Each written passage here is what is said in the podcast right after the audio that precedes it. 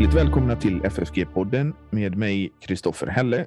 Och idag så ska jag och Torbjörn eh, prata om tvåregementeslära, vilket är lite aktuellt med tanke på de tidigare avsnitt vi har haft. Och är det så att man vill ge ett bidrag till församlingsfakulteten och poddens fortsatta arbete, gör det gärna på Swish. Numret är 123 100 8457 och finns också i avsnittsbeskrivningen. För mer info kan man också besöka vår hemsida ffg.se. Och eh, Torbjörn, vi har fakultetens dag på gång också. Ja, det kan vi passa på att nämna. Det är den 13 november då alla är varmt välkomna. Det börjar klockan halv eh, klockan 13 börjar det och eh, fram till halv sex. Mm. Och det finns ett program för den på hemsidan man kan gå in och se på. ffg.se.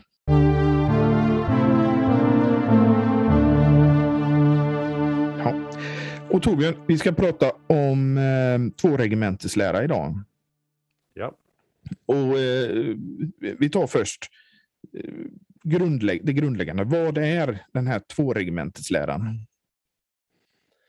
Ja, först kan man säga något om namnet som är ganska eh, missvisande i, i dagens uh, i, i, samtiden. När man säger två regement, regemente, då tänker man på någon militär uh, term. Men det har inte med det att göra egentligen, utan det har snarast att göra med regera.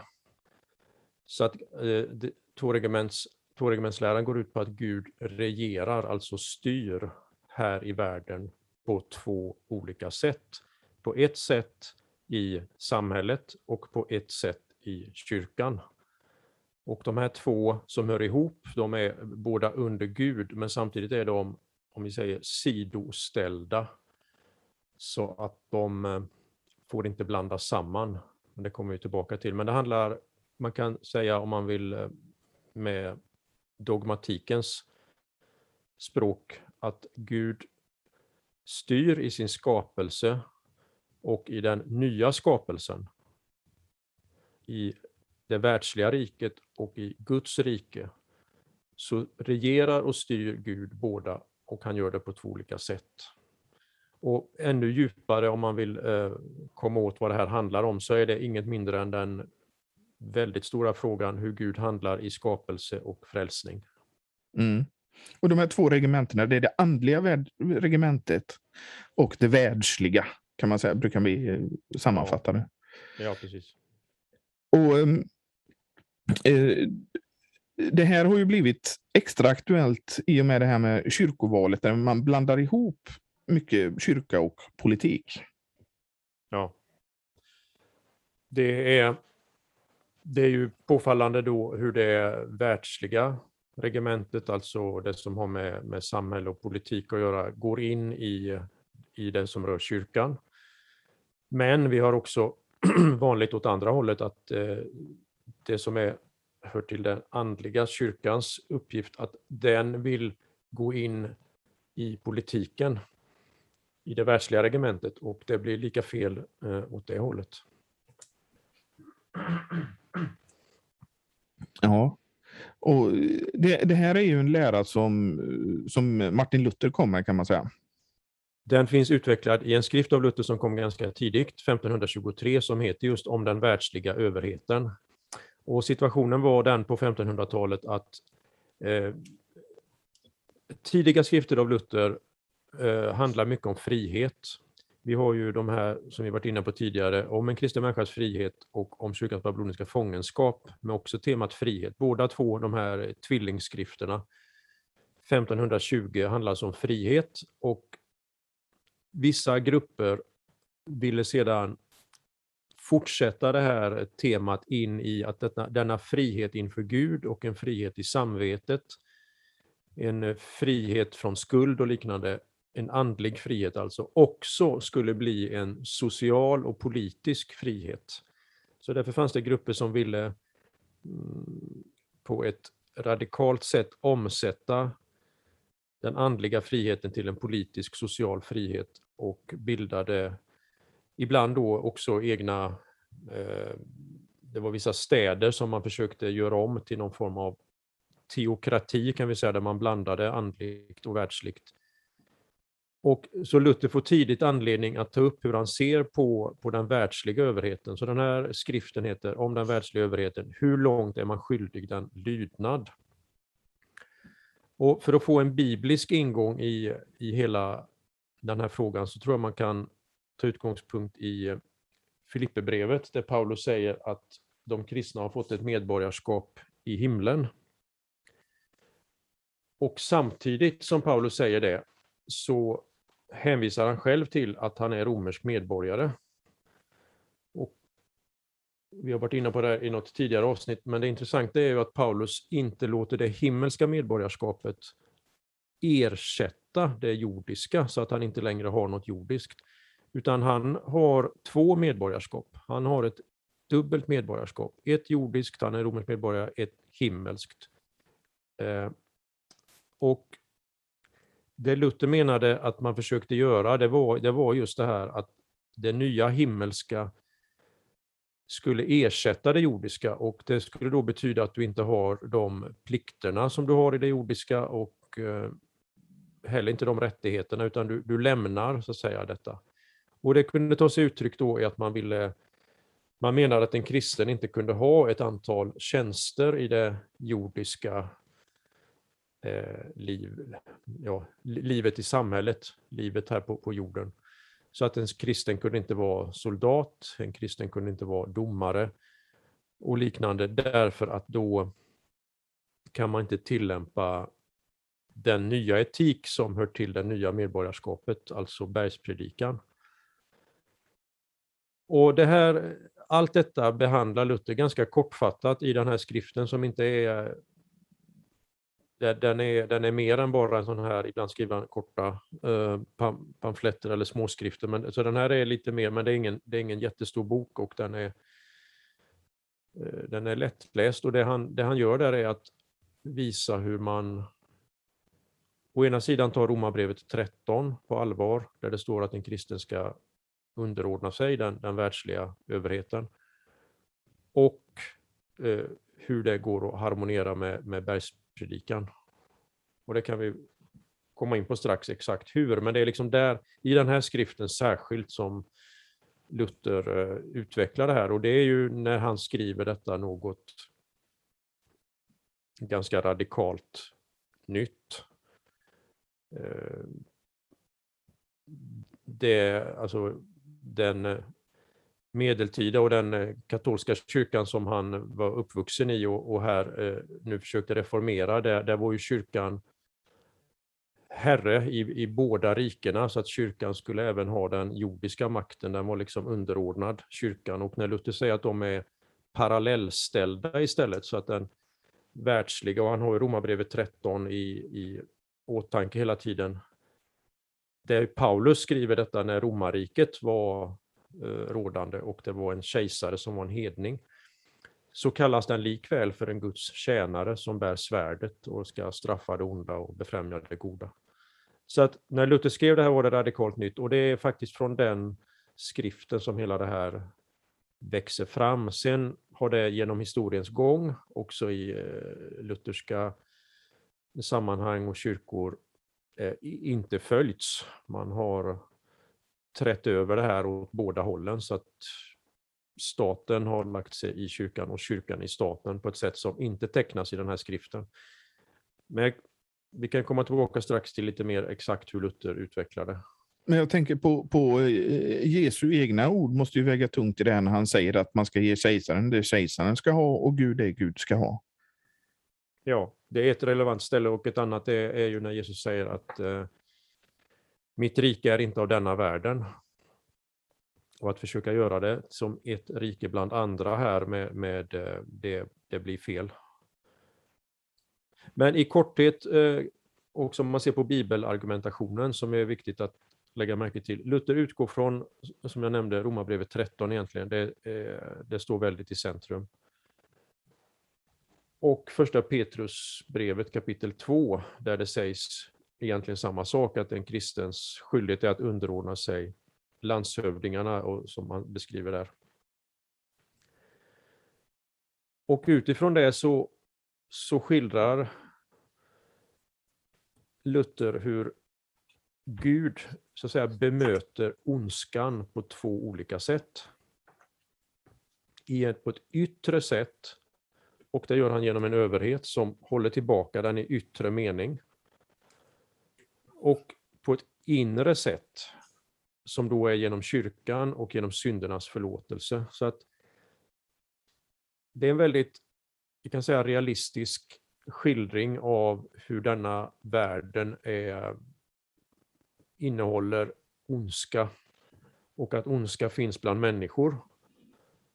Och därför måste det finnas en överhet som har uppgiften att hålla rätt och rättvisa och rättfärdighet vid makt.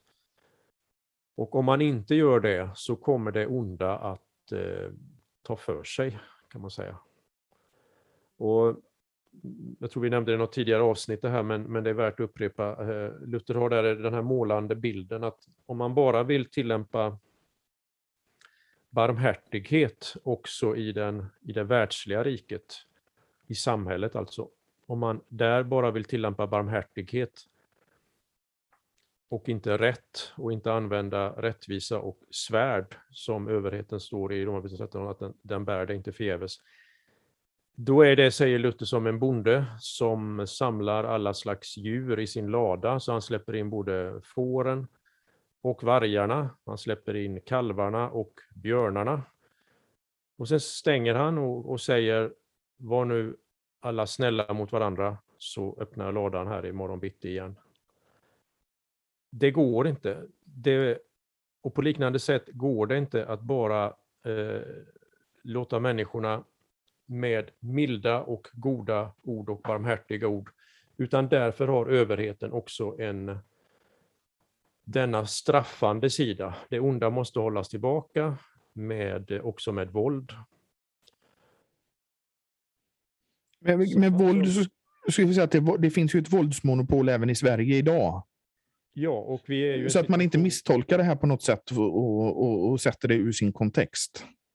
Exakt, så hela denna tanken att det ska finnas ett våldsmonopol eh, skulle Luther där motivera med Romarbrevet 13 och överheten som har fått svärdet och som kallas Guds tjänare. Så den ska straffa det onda, det är överhetens uppgift. Men i det ligger en väldig realism att det onda finns. Människor gör ont om inte det hålls tillbaka i yttre mening så kommer det att bli eh, så fort överheten drar tillbaka det här våldsmonopolet så kommer andra grupper fylla den platsen med, med sitt våld. Och det är ju den situationen vi i hög grad har i, i Sverige idag med våra, vår diskussion om eh, gängkriminalitet. Då. Men den här tvåregementesläran, den är något unikt och typiskt lutherskt? Ja, det är den. På så sätt att Luther skiljer så eh, och då får vi nu klargöra att i den här skriften 1523 om den världsliga överheten, det, det är den eh, jag talar om nu, att Luther så skarpt skiljer där mellan, mellan de båda rikena. Eh, och verkligen inskärper att de ska hållas åtskilda. Den enda gången han ser en, eh, en, eh, att, att de överbryggas, det är när den världsliga överheten inte följer Guds bud, då har den andliga överheten, alltså prästerna, kyrkan, biskoparna, en eh, uppgift att predika Guds lag och evangelium, men att, att kalla eh, överheten till rätta, ungefär som alltså en profet i Gamla Testamentet kallades att tala till kungen. Så att överheten har sin eget uppdrag betyder inte att den ses som autonom i meningen självständig, för den är underställd Gud och hans bud. Och då har kyrkan, och nu förutsätter ju Luther en, en, en, alltså en, en kyrka som är en, eh, ibland talar vi om en konstantinsk eh, period då kyrkan är en faktor så att säga i, i samhället, inte en katakombkyrka utan en faktor som är att räkna med att då ska kyrkan kalla överheten till, eh, till bot och bättring från det brott man, man begår. Vilket skedde till exempel när eh, prästerna kunde, om de var hovpredikanter, predika mot en furste eller en kung för att han hade brutit mot Guds bud. Men annars hur han skulle bedriva sin politik, eh, det var underlagt förnuftet, det var underlagt rätten. Det, det var inte kyrkans uppgift att komma med, med synpunkter på det. Nej. Men jag tycker att det är viktigt att, att, att sätta eh, det här i sin tid. För många miss, väljer ju att missuppfatta det här. Och till ja. exempel använder Luthers ord om sin samtid, att det ska appliceras idag. Ja. Vad tänker du på för uh, typer av missuppfattningar?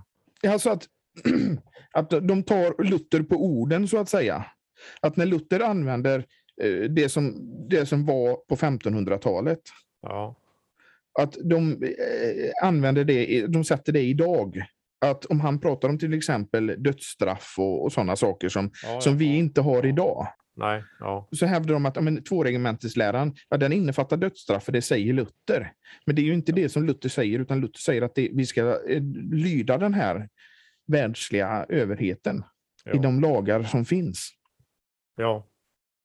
Jo, men det är sant. Och det går ju det går tillbaka hela vägen till Paulus i, i, i, så fall. Jag menar när Paulus talar om överheten som bär svärdet och eh, romarrikets rättsskipning som eh, ju innehöll eh, dödsstraff naturligtvis, det vet vi, och vilket var sen fram genom tiden. Eh, men det är inte det som är poängen, utan det är att lyda överheten och att överheten eh, ska använda svärdet, alltså ska använda också våldet för att stävja eh, det som är ont för att främja det och främja det som är gott.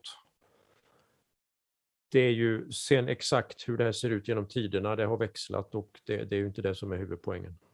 Nej, för det, det som är att, att säga att Luther eh, förespråkar dödsstraff och att det är en del av tvåregementsläran, för att så var det på 1500-talet. Det kan man inte applicera idag, utan idag får vi ju förhålla oss till det som finns.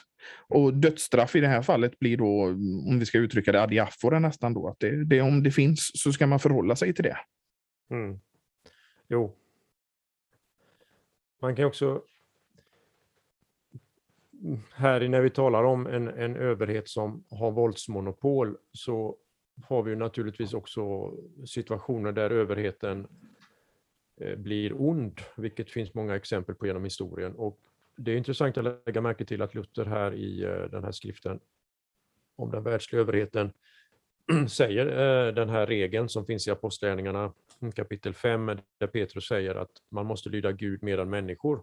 Så att om man ska lyda överheten, underordna sig den, men det finns en gräns för det, nämligen när den påbjuder någonting som Guds eh, bud förbjuder. Då ska man vägra lyda och då gäller att man ska lyda Gud mer än människor. Och det finns med där hos, eh, hos Luther i, i, eh, i denna tidiga skrift. Och det är också viktigt mot en missuppfattning, nämligen att den lutherska kyrkan har blivit beskylld för att så betona lydnaden mot överheten att man ehm, eh, har gjort det in absurdum och att det till och med skulle förklara eh, situationen i Nazityskland. Att kyrkan gjorde så lite motstånd eh, under naziperioden skulle höra samman med en luthersk tvåregementslära. Det är så det framställs ibland. Men det stämmer ju inte alls. Det stämmer inte alls med den skriften. Det stämmer heller inte med Augustana, eh, vilket är intressant. I Augsburgska bekännelsen tas också den här regeln upp. Man måste lyda Gud mer än människor.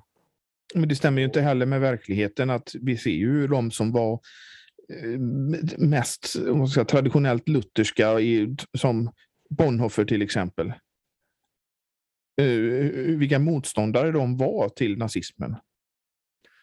Jo, det fanns, men det fanns också de som tillhörde lutherska kyrkor som i alldeles för hög grad bara följde med och var tysta. Men, men det, det var i så fall, det, med Bonhoeffers ord var det en, en pseudoluthersk Alltså det, det, har egentligen inte täckning varken hos Luther själv eller i bekännelseskrifterna, utan det var en form av lutherdom som hade utvecklats långt senare.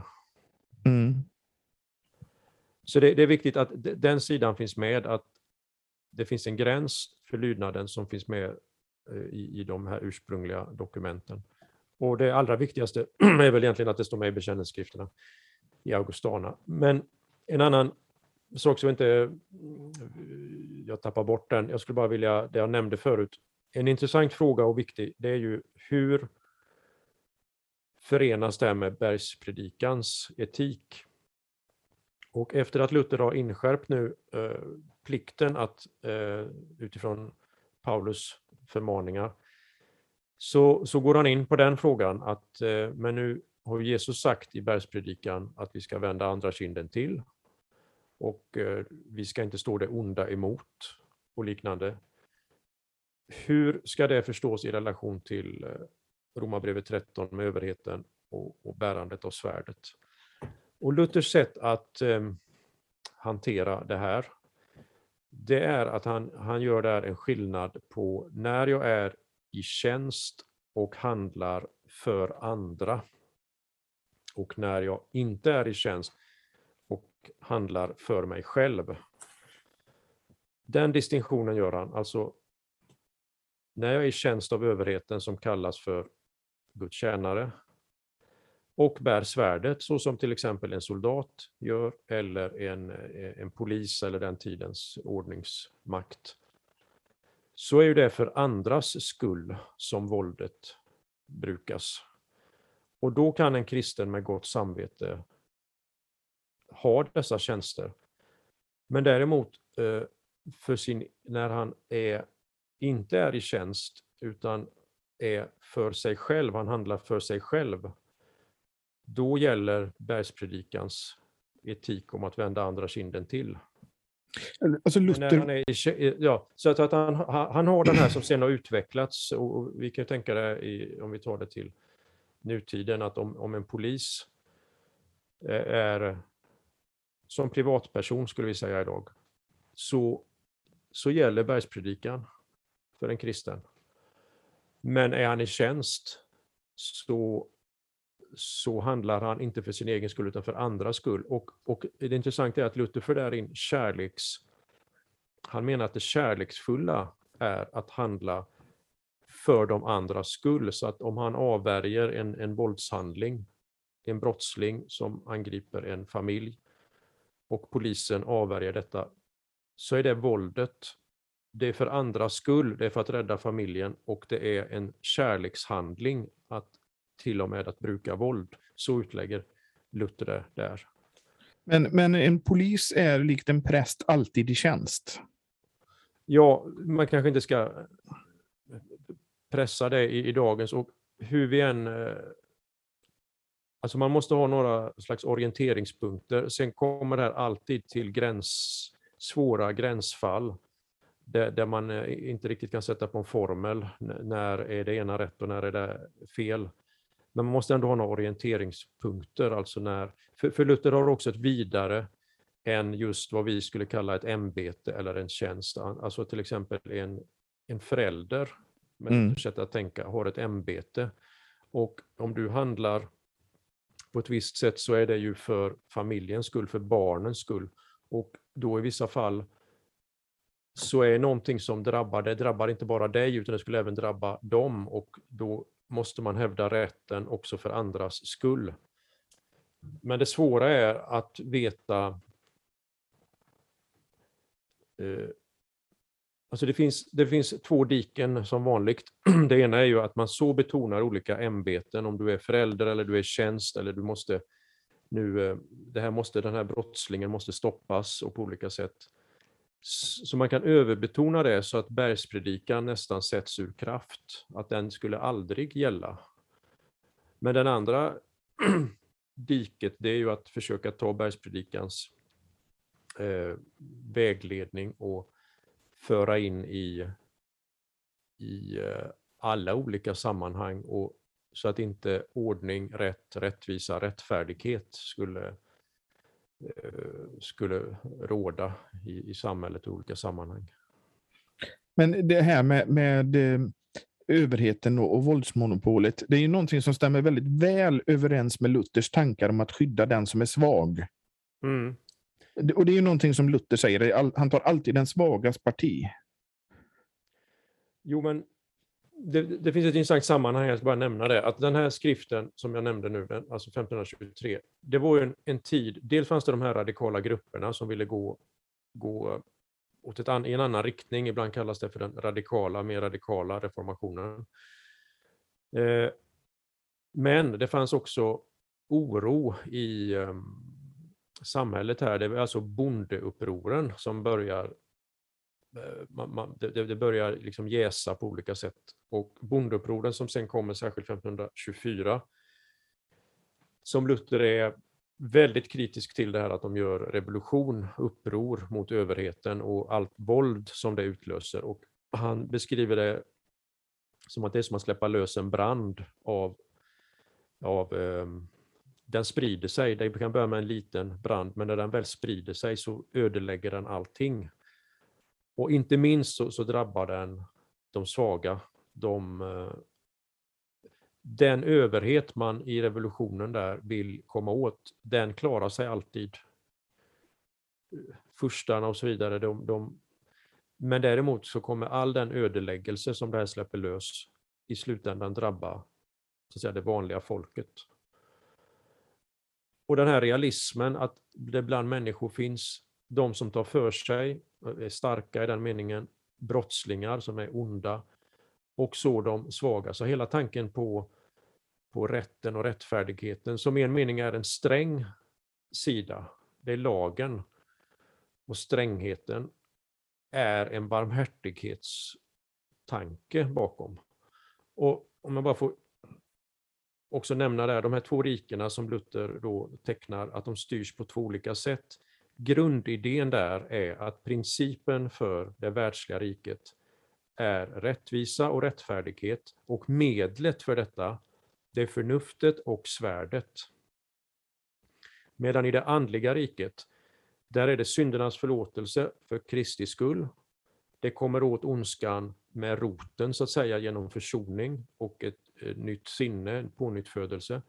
Och medlet, eller eh, principen där är barmhärtighet och medlet är Guds ord.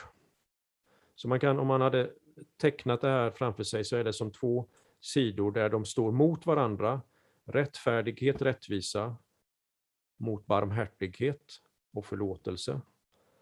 Och medlen som i ena fallet är eh, förnuftet som söker det här, vad är rättfärdigt, rättvist? Utifrån innanför, ska vi säga, innanför ramen av, av Guds bud. Men det finns ändå någonting där som även hedniska överheter förstår vad är rätt och, och, och rättvist. Och medlen som är olika. Antingen svärdet, våldsmonopolet eller ordet.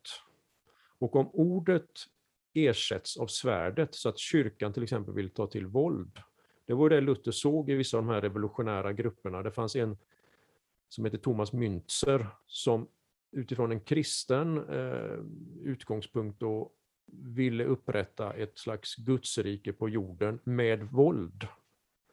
Och inte minst då tog han många, eh, många argument från Gamla Testamentet och Israels tid, som ju då Guds folk kallades att använda, folk, eh, använda våld. Men i Nya testamentets tid har man inte kallats till det. Och den här sammanblandningen där av Gamla och Nya testamentet reagerar Luther väldigt starkt mot. Kyrkan får inte använda våld. Eh, och på samma sätt, om staten tar över det som egentligen är kyrkans eh, grundprincip, nämligen barmhärtighet, och driver det på bekostnad av rättvisa, rättfärdighet och en slags yttre kontroll av det onda, då blandar man också ihop det och då har vi parallellen med eh, vargarna och fåren i samma folla. Man bara säger till dem att vara snälla men man gör ingenting och resultatet blir att de svaga kommer, kommer att drabbas. Mm. Och det, det, just de svaga, som jag nämnde innan, det är ju faktiskt någonting som Luther väldigt ofta återkommer till. Ja. Ja, och det är värt att framhålla eftersom han eh, också i historieteckning ibland, han skildras ju då som furstarnas vän, som ställde sig på furstarnas sida mot bonde, eh, mot bondeupproret.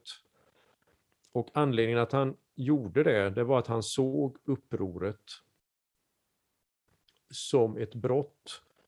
Eh, inte bara mot det att man skulle underordna sig överheten, utan bondeupproret som han ju såg med egna ögon. Han reste ju runt i områden och såg hur de hade plundrat slott och, och kloster. De hade alltså stulit helt enkelt. Och det var blodsutgjutelse, så att det, det började... Eh, man, man, tog sig friheter och det som till detta...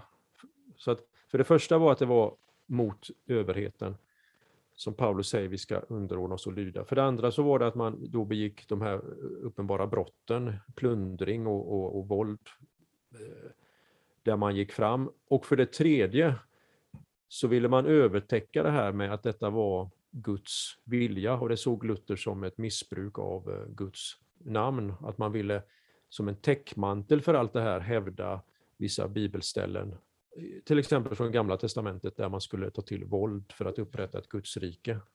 Mm. Så han reagerade väldigt starkt mot det här och sa till furstan att det är er plikt att eh, använda det svärd ni har fått för att slå ner upproret. Men det har lett till en, den här helt enkelt en teologisk motivering.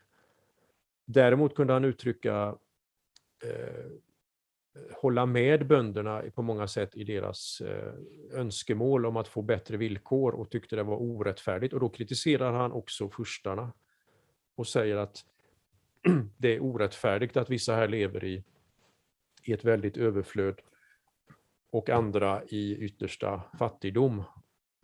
Men då, då är det med ordet som han kan predika där mot furstarna. Inte genom att ta till våld. Men jag, jag, tänker på till exempel, som vi, jag tog upp i förra avsnittet med Johan Westerholm, när han eh, citerar en, en före detta biskop i, i, i Svenska kyrkan som eh, ville upprätta ett gudsrike på jorden med Mao som förebild. Mm. Så att det här med att upprätta det här gudsriket på jorden, det är ju någonting som, som ligger i synden skulle jag säga. Ja. Jo, man eh, det här med Mao, alltså det fanns ju en, eh, och finns ju fortfarande, men den hade en, eh, en stark, säg på 70, 80 eh, och kanske 90-talets befrielseteologi som på olika sätt var kopplad också till situationen i Sydamerika, där man ville med kristna motiveringar använda våld, vapen, grillagrupper och liknande som liksom smält ihop det, det andliga och det, det, det jordiska, världsliga. Så att det här är ingenting som som var begränsat till 1500-talet, även om det då tog sig ganska extrema uttryck, till exempel inte minst i, i som jag nämnde, Thomas Müntzer och hans grupp, som slutade i en stor katastrof, i ett stort slag, där eh, jag tror det var 6 000 som dog på Thomas Münzers sida och bara ett fåtal av furstarnas soldater. Och Thomas Münzer, som som hade utlovat segern och att detta var Guds vilja och allting som, som var en, en, en hemsk historia, hela detta med Münzers uppror. Men som i andra varianter har kommit också senare genom tiden och som är en väldigt mild variant där man kanske inte vill ta till våld, så vill man ändå förena andligt och världsligt på så sätt att, att kyrkan ska vara en kraft in i världslig politik. Vilket leder till att kristna splittras i eh, höger-vänster-frågor, där man egentligen kyrkan borde hålla sig utanför sådana frågor. Men då är vi inne på aktuella som ni, den aktuella situationen eh, och tvåregementsläran idag mm. i, i, i, vårt land och i västvärlden. Men vi kan väl gå in på det lite? Ja. Jag vet att du har eh, förespråkat att eh, till exempel präster ska vara väldigt försiktiga med hur man engagerar sig politiskt. Mm. Jo, men eh, jag tycker det är väldigt viktigt att man gör tydligt när man eh, vad man har täckning för i Guds ord. Så att om kyrkan uttalar sig om någonting så måste det finnas täckning för den positionen i Guds ord. Och för att ta ett aktuellt exempel, om kyrkan skulle uttala sig om i abortfrågan eller i äktenskapsfrågan, så skulle man kunna hänvisa till detta står i Guds ord och vi vet att detta är Guds vilja. Mm. Men däremot om man uttalar sig i frågor som ligger på vår politiska höger-vänster-skala ofta, då har man inte den täckningen i Guds ord. Och då blir det en, eh, en, en, i värsta fall att man missbrukar andlig makt och säger detta är kyrkans syn i meningen, alltså detta är Guds vilja att vi ska göra si och så. Och det kan ju leda till att någon skulle kunna uppfatta det som att lyder vi inte där så lyder vi inte Gud. Fast det bara är en förnufts, ett förnuftsövervägande som har lett till den ena eller andra vägen. Det kom ett biskopsbrev för många år sedan, det, det är flera decennier sedan, men, men i det diskuterar biskoparna motorvägar och järnvägar och sådana här frågor. Och det blir... Man kan ju, alla kan vara överens om att miljö är viktigt. Alla kan vara överens om att välfärd ska vi försöka bygga upp på olika sätt. Men sen är ju i politiken tusen olika avvägningar som man hela tiden måste göra. Man måste kunna kompromissa och på olika sätt. Och att då säga vad som är kyrkans uppfattning om det är konkreta politiska frågor leder bara till också splittring inne i församlingen. Att de som inte delar den här politiska inriktningen känner sig inte hemma i församlingen. Och om man tar det ännu mer konkret, prästen, om han är politiskt engagerad, har ju svårt att vara en herde för alla om det blir en stor sak, det partipolitiska. Så att skilja mellan, eh, mellan andligt och världsligt har en väldigt stor betydelse för den lokala församlingen, att alla ska kunna känna sig eh, hemma i en församling och det ska inte vara en plats för, för partipolitik. Det finns ju exempel nu när, när kyrkan har gjort sig själva till remissinstanser till exempel för, för den världsliga maktens eh, frågor och uttalar sig om att Jesus skulle, skulle tycka så eller Jesus tycker så, fast det är ingenting som är uttryckt i Guds ord. Nej, och då kommer vi in på det här att när man, när man menar, att, att menar sig veta Guds vilja utan att det står i Guds ord, då är faran för det bekännelseskrifterna och Luther kallar för svärmeri. Mm. Att, att man helt enkelt blandar ihop sina egna mänskliga meningar och preferenser med vad som är Guds vilja. Och man söker Guds vilja som privatperson och, som församling och på olika sätt. Men att i politiska frågor höja upp det här och gå ut med ett uttalande och så vidare, det är helt enkelt att träda över de gränserna som finns för eh, i, i, en sund två, tvåregementslära. Mm. Sen kan man också bara lägga till där att när man har tillämpat det här i, i, i nyare tider, och då är vi tillbaka till Bonner, för han, han uppdaterade ju tvåregementsläran kan man säga på olika sätt till, till sin tid. Han talar om olika mandat, uppdrag som vi har från Gud. Vi har ett uppdrag att leva alla i ett samhälle, i en stat. Vi har ett uppdrag i, i familj. Vi har uppdrag i ett yrke och han räknar in kultur. Och vi har det i kyrkan. Luther hade tre sådana uppdelningar ska vi ja, säga. Med tre, tre stånd, eller, ja. men Bonner får utveckla lite. Men poängen är bara att han, alltså som människa är du alltid insatt i de här, så att även om man är ensamstående så i, i någon mening har man alltid en familj. Även om man inte är aktiv i, i, i, i kyrkan så har man en relation till kyrkan. Du, du är liksom hela tiden ställd in i de här fyra och även den som inte har ett avlönat arbete har liksom uppgifter och, och han räknar in kultur och allt vad vi gör egentligen. Mm.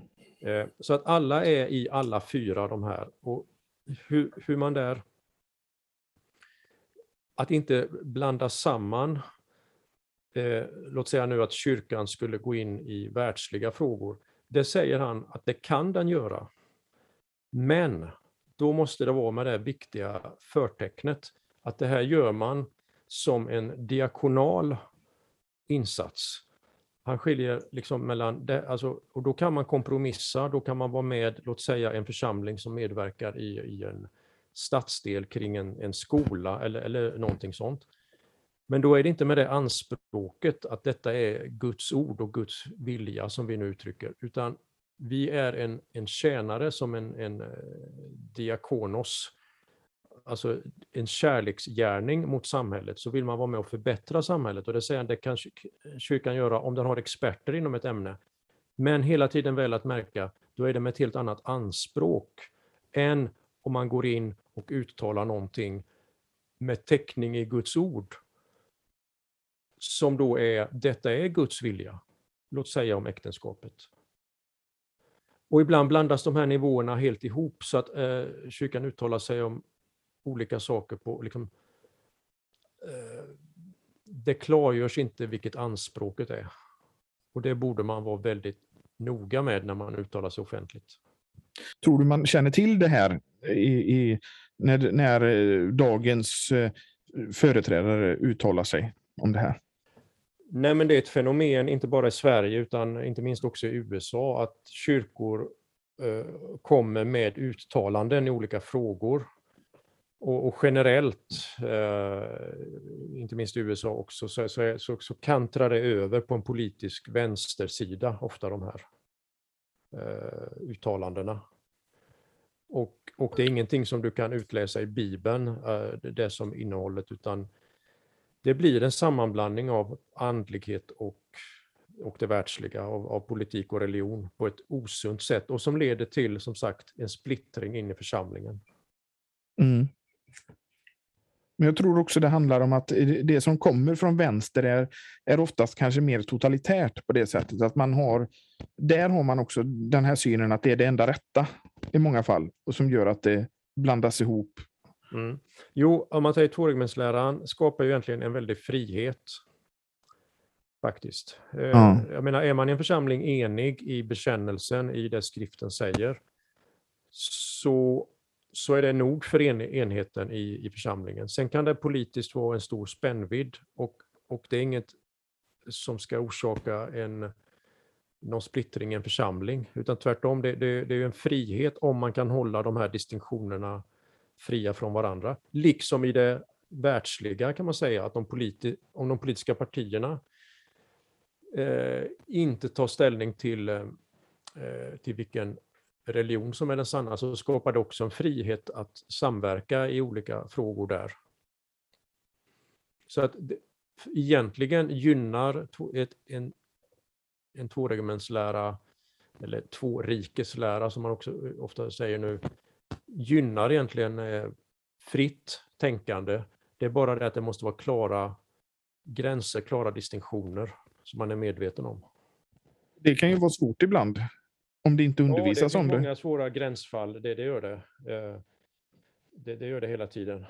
Men de blir ändå möjliga att bearbeta och, och tänka vidare kring om man har liksom vissa orienteringspunkter. Och det är väl det en tvåregimentslärare kan, kan skapa en, en ram, eh, någonting. Men därmed är inte allt löst. Det, det finns alltid gråzoner, men som sagt, en, en ram behövs för att tänka vidare kring det. Men det, det som du, du tar upp med, med församlingen, att det inte ska skapa splittringar i församlingen, det är ju väldigt viktigt. Det är jätteviktigt, ja.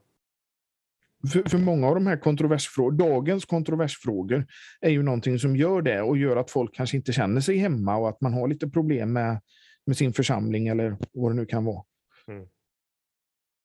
Men det har det grundläggande, den grundläggande frågan blir, vad är, vad är huvuduppgiften i de här båda rikena? Det är ju att tjäna Gud. Ja, det är att tjäna Gud, och, men det är liksom på olika sätt. att I, I det världsliga riket så är det Guds vilja att vi ska leva där i de här som Bonhoeffers tal om olika mandat. Gud vill att det ska växa fram liv och blomstra samhällen och yrken ska liksom, vi ska tjäna varandra på olika sätt. Det, det ska att leva i sin kallelse helt enkelt. Växa. Ja, där har vi hela kallelseläran. Mm. Och då är det liksom det goda jordiska livet eh, det som, den, som kan uppnås i det riket. Men i det andliga riket så handlar det om evig frälsning genom Jesu Kristi verk. och att lyfta sinnet från det jordiska och få det eviga målet och en evig frälsning, leva i, i, i nådens medel i sitt dop och vid, vid nattvardsbordet, bön, lovsång och, och därmed också få den, den sanna perspektivet in i det jordiska, hur det levs ut i olika kallelser. Och det finns så mycket där som, men om man tappar det i det andliga riket och att det istället kommer att handla väldigt mycket också bara om livet på, på jorden, då blir sammanblandningen lättare. Så jag tror det hör ihop med att om man väldigt klart, vad är kyrkans grunduppgift? Att predika frälsning genom Jesus Kristus, tröst inför döden, evig salighet. Då blir det också lättare att skilja dem åt. Mm. En viss eh, kritik mot två, två lära har ju varit att eh, till exempel de som inte gillar luthersk teologi, eh, de, de säger att men det var inte Luther själv som kom på namnet, utan det var Karl Barth flera hundra år senare. Mm. Så därför gäller inte den här läran. Det, det är liksom Nej, sådana... Det, det, det, det, ligger något sant i, i det att som begrepp så är tvåregementslära ganska nytt. Det är på, från 1900-talet. Ja, det fanns någon gång på 1800-talet, det nämndes här, men, men det är egentligen på 1900-talet. Och det är egentligen när man vill eh, tillbakavisa olika missuppfattningar som man har, har använt den. Det som egentligen var den positiva sidan, hur vi skulle leva i, i skapelsen och i frälsningen, det var genom det som du nämnde förut, nämligen treståndsläran. Så Luther talar till exempel i Lilla katekesen om de heliga ordningar som Gud kallar oss att leva i. Och där använder han ju ordning eh, som en kritik mot ordnar som Gud inte har befallt, men de heliga ordningarna. Och så citerar han från hustavlorna i Nya Testamentet. Och då är det till, till överheten som är en helig ordning eftersom den är påbjuden av Gud. Det är det som är liksom, det som gör den helig är att den har ett Guds ord som mm. säger att den ska finnas. Och där är alla, antingen är man i en regerande ställning eller i en eh, underordnad ställning som, som medborgare under en, en furste eller en regering. Och sen är det till, till eh, på hus, hushållsståndet, så att säga, det som inrymde arbete på den tiden. Då är det till olika där, föräldrar till barn, till äldre, till yngre, förmaningar. Och Gud vill att vi ska leva där i familjer. Och sen är det till kyrkan, där eh, de, de, till prästerna, till pastorerna och till de som är de som lyssnar och är en del i församlingen. Så i de här tre ordningarna, det var ofta så man utlade det här att leva i olika Guds ordningar. Så tvåregementslära som begrepp är ganska nytt, alltså på 1900-talet. Men saken finns i om, om, om den världsliga överheten som du skriver. Fast, eh, sen är det i hög grad den positiva sidan som man har utvecklat det. Det är genom de här olika tre och med Bonner för fyra. Han kallar det mandat för att stryka under också att det är ett uppdrag från Gud. Och att ordning blev väldigt belastat genom nazitiden, att tala om ordningar, så man vill hitta ett annat ord. Men saken är, eh, går tillbaka dit egentligen till 1523. Och ja. till Paulus i Nya Testamentet. Jag tänkte att vi skulle avsluta alldeles strax. Har du eh, någonting att tillägga innan vi går till avslut? Ja, det finns nog mycket mer att säga, men det kanske är eh, åtminstone att vi har försökt ge en bild av en eh, luthersk tvåregementslära nu och hur den, hur den har vuxit fram och vilka de viktigaste skrifterna har varit och lite om tillämpningen idag. Så att, eh, det, det kanske var lagom.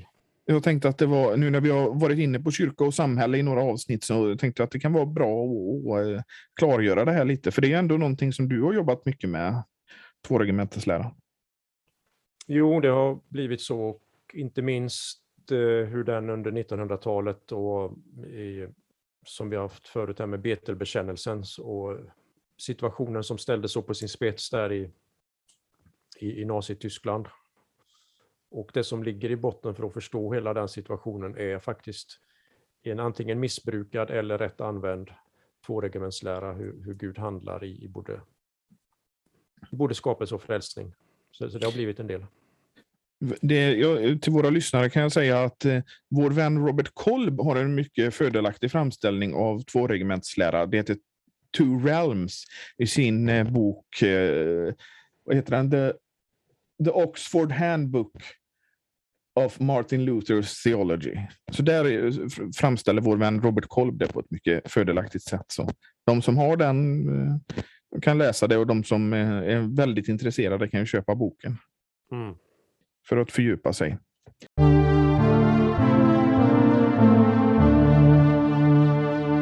Ja, Torbjörn. Vi påminner än en gång då om att det är fakultetens dag den 13 november. Ja. Och eh, då kan vi också ju eh, för att när vi nu får träffas fysiskt i, i um, som ett extra lockbete nämnas att vi kommer ha en bokutförsäljning här på plats. Eh, så det är också en orsak att komma hit. Eh, det är, har gjorts en del gallringar nu, inte minst under den långa pandemitiden från biblioteket. Så det kommer vara en stor bokutförsäljning ihop med fakultetens dag som man också kan mm. botanisera och hitta mycket värdefullt. Mm. Och är det så att man vill ge ett bidrag så kan man göra det på Swish 123 100 8457. Numret finns också i avsnittsbeskrivningen. Då eh, tackar jag dig Torbjörn för detta givande samtal. Tack, tack. Tack. Och vi hör på återhörande nästa vecka.